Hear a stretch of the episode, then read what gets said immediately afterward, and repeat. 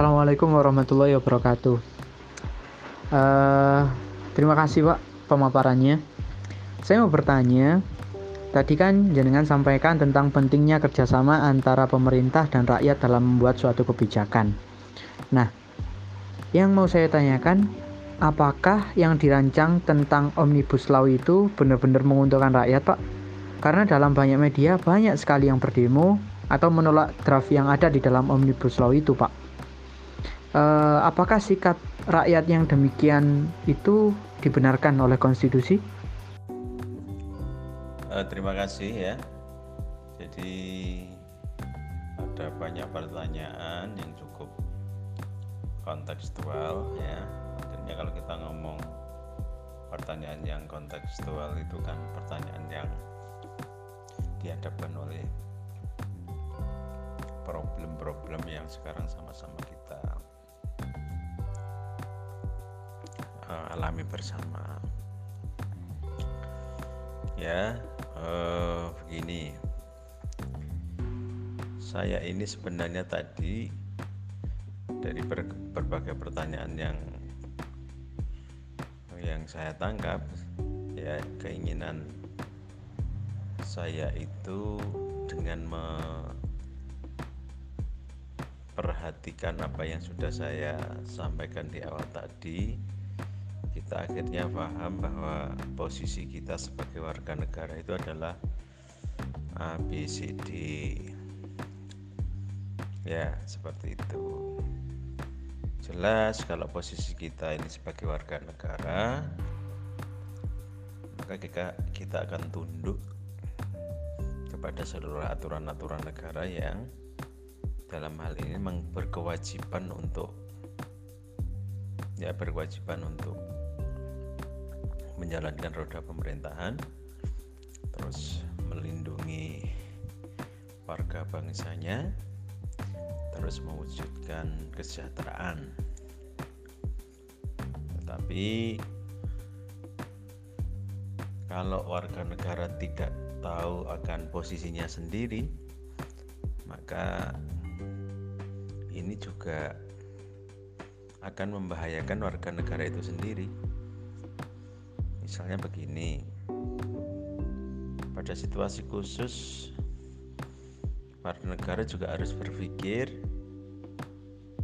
mempertanyakan menolak ya mendukung apa yang sedang dicanangkan oleh pemerintah. Ya Indonesia yang luasnya sangat luar biasa ya sebagai sebuah negara ini maka butuh partisipasi masyarakat melalui kesadaran yang tinggi bagaimana seluruh kebijakan pemerintah itu didukung oleh warga negaranya. Berarti ada pertanyaan dari Bisma uh, Omnibus Law. Jadi kalau kita ngomong Omnibus Law ini ya kalau ada pertanyaan tentang Omnibus Law berarti kita sedang paham ya sedang paham terhadap hak kita selaku warga negara dan mempertanyakan ya mempertanyakan warga negara ini eh negara ini kemudian sedang sedang mengeluarkan kebijakan apa. Itu ada responsivitas yang cukup tinggi dari warga negara untuk mencoba e, mengawasi jalannya roda pemerintahan. Itu yang baik. Ya harus seperti itu berarti warga negara ya warga negara sangat responsif sangat tanggap ya ikut juga kemudian mengawasi jalannya roda pemerintahan melalui penguasa yang sedang berkuasa saat ini. Ya beda misalnya kita apatis terhadap jalannya negara. Tidak mungkin kita akan tanya apa sih omnibus law itu?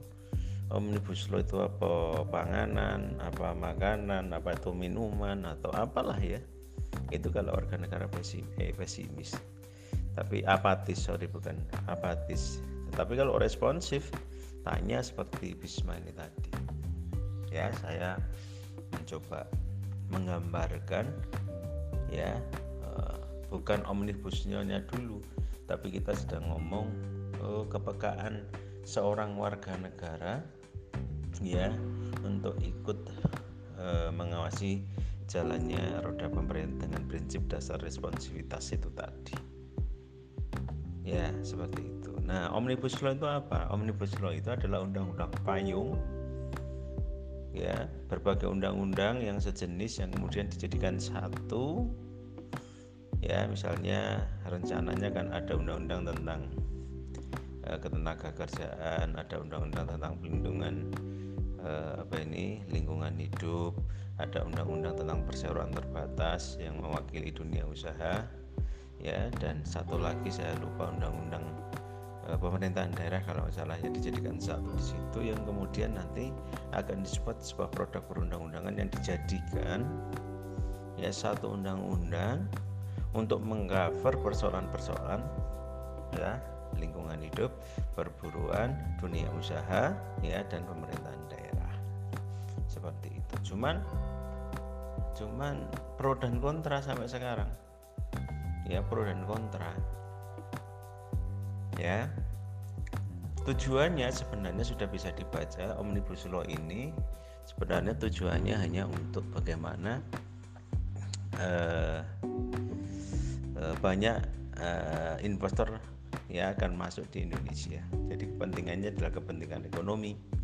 Kepentingan ekonomi yang akan dibangun melalui sebuah produk regulasi yang pengen tata ekonomi kita itu menjadi lebih baik. Maunya. Cuman jangan lupa ya jangan lupa tidak bisa kemudian ya dengan sembrono tanpa tanpa persiapan yang matang kita menggabungkan beberapa undang-undang untuk jadikan satu undang-undang.